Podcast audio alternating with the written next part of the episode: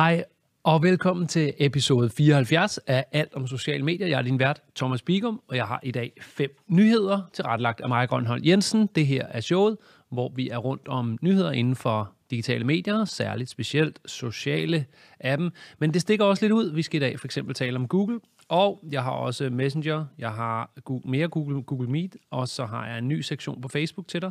Og så er der endnu en gang snak om TikTok og dets popularitet. Nu er TikTok oppe og snuse i knæhæserne på YouTubes popularitet målt, altså på, hvad var det, sening, kigningsminutter. Og gennemsnitlig brug på TikTok skal vi kigge på til sidst i episoden. Velkommen til. Lad os køre fra land. Endelig en ny funktion i Google My Business. Det har været en funktion, der har været efterspurgt længe, irritation for mange, at når man skulle lave variationer over sine åbningstider, og eller man havde mere end en service eller produkt, så er Google My Business sådan rimelig uh, uhandigt til at forklare de ting. Men nu har Google endelig gjort det muligt for at have forskellige åbningstider for forskellige services i en virksomhed. Man kan for eksempel vise forskellige åbningstider for, hvornår en restaurant har åben, men en anden åbningstid for takeaway. Man kan kun se specielle åbningstider, hvis man har udfyldt standard åbningstider. Det kan ændres i Google My Business, og der er link til det, samt skærmbilleder sammen med show notes, hvis du lytter på podcast, og link her i tråden med opslaget til udsendelsen. Vi hopper til øh, ny messenger-funktion til virksomheder. Showet her, det kredser jo mest om øh, markedsføring og den måde, vi virksomheder kan bruge de sociale medier. Så her er der igen en, der er relevant, ligesom Google My Business lige før. Facebook har udrullet en ny indbakkefunktion i Messenger til sider, så man kan chatte fra de sider, som administrerer, man administrerer i Messenger-appen. Funktionen er efter sine lavet for at gøre det nemmere at arbejde fra telefonen, så man ikke skal skifte mellem de forskellige apps. I første omgang kun tilgængelig i iOS, men skulle senere komme til Android inden for de næste uger. Det er uvist, hvilke lande funktionen er rullet ud i, og når det er det, så er det fordi, det lugter af global udrulning. Hold øje, og hvis du vil se det lidt forud, inden det kommer, så er der link til den også, hvor man kan se, hvordan det tager sig ud.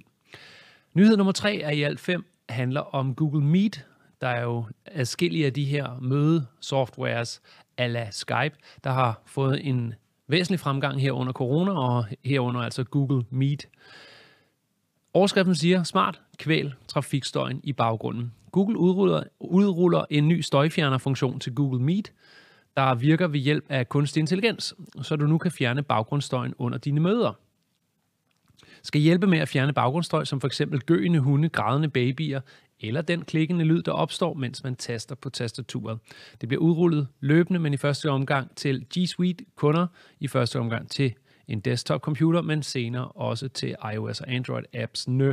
Det vil altså sige forbedringer i Google Meet i et marked med en masse spillere, der rigtig gerne vil have plads. Vi har jo før her på showet talt om Facebooks øh, Messenger Rooms, som jeg synes var masser af raballer om i starten, men efter det ankom, ikke har været så meget, og end ikke egentlig en personlig lyst til at bruge det, eller noget. Det har været sådan et meget, synes jeg, øh, fascinerende forløb, at Zoom satser hårdt på sådan positionen som værende the go-to guy. Folk taler om Zoom-møder, og bruger måske et andet software, men Zoom fik ligesom sproget, sådan så at alle i den dag i dag forstår, hvad et Zoom-møde er, øh, eller en fredagsbar via Zoom, eller vi ses på Zoom, og så er Google Meet og Facebook Rooms og Microsoft Teams ligger sådan lidt i baggrunden. Dermed ikke sagt, at det ikke bliver nævnt derude. Det er bare sådan, Zoom i hvert fald kom som lidt the dark horse i det felt.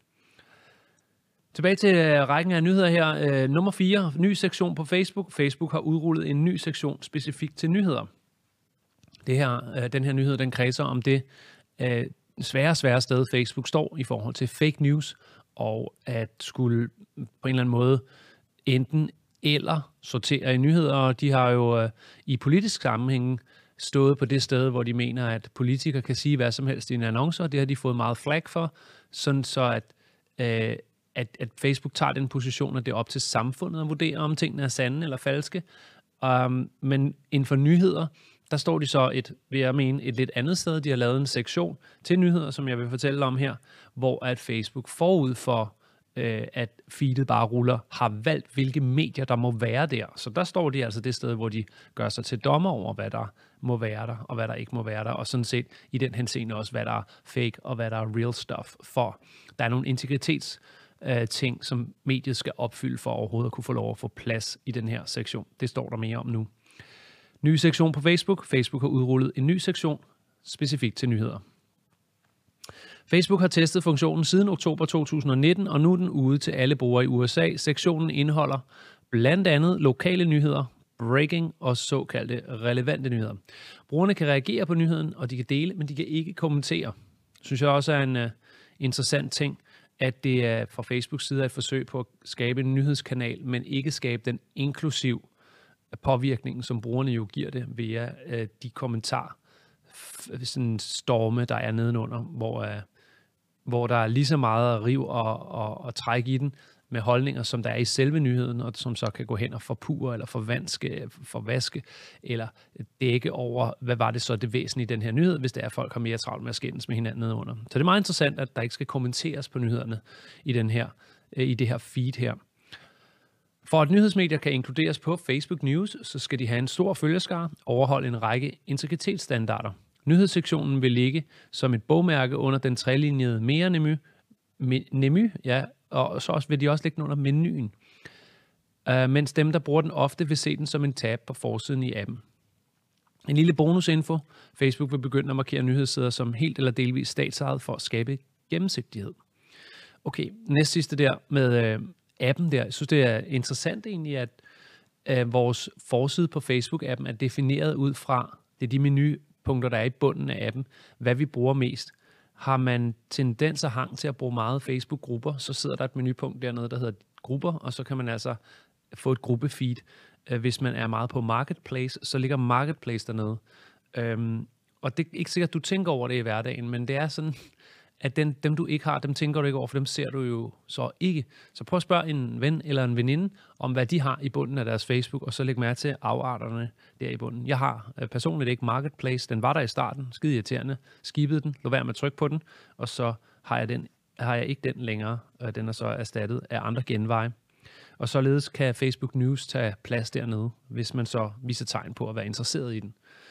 Um, den sidste nyhed, vi har her i streamen i dag, og populær app haler ind på YouTube, og den populære app, vi taler om, er TikTok igen igen.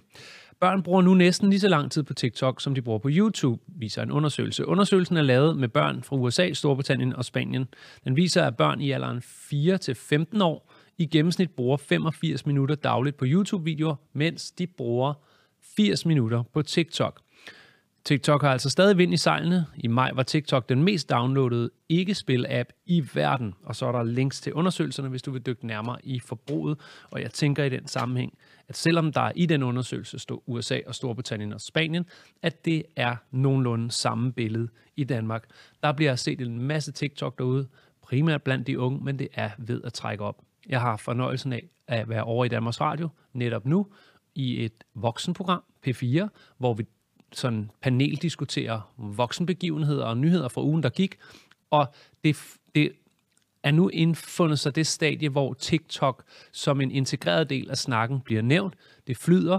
Vi skal, okay, radioverdenen defineret lige over for lytteren, hvad TikTok er for en størrelse, men det, at vi kan have en diskussion hen over TikTok og raceuroligheder i USA, hvor TikTok er en helt almindelig del af snakken, og at dem, der er til stede i studiet, ved, hvad vi taler om, og at vi taler om det sådan en selvfølgelighed, siger lidt om, hvor langt vi er nået med TikTok. Jeg har sagt det før her på showet, siger det igen. Hvis du sidder og arbejder med markedsføring og ikke har hentet TikTok og interesserer dig for TikTok, så sover du i timen. Citat Thomas Bigum.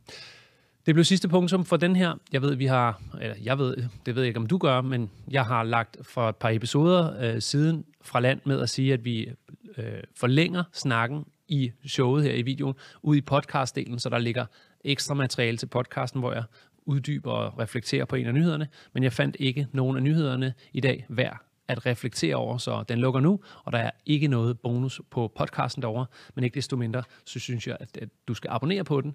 Du går i din podcaster-app og skriver alt om sociale medier og finder den frem og trykker abonner.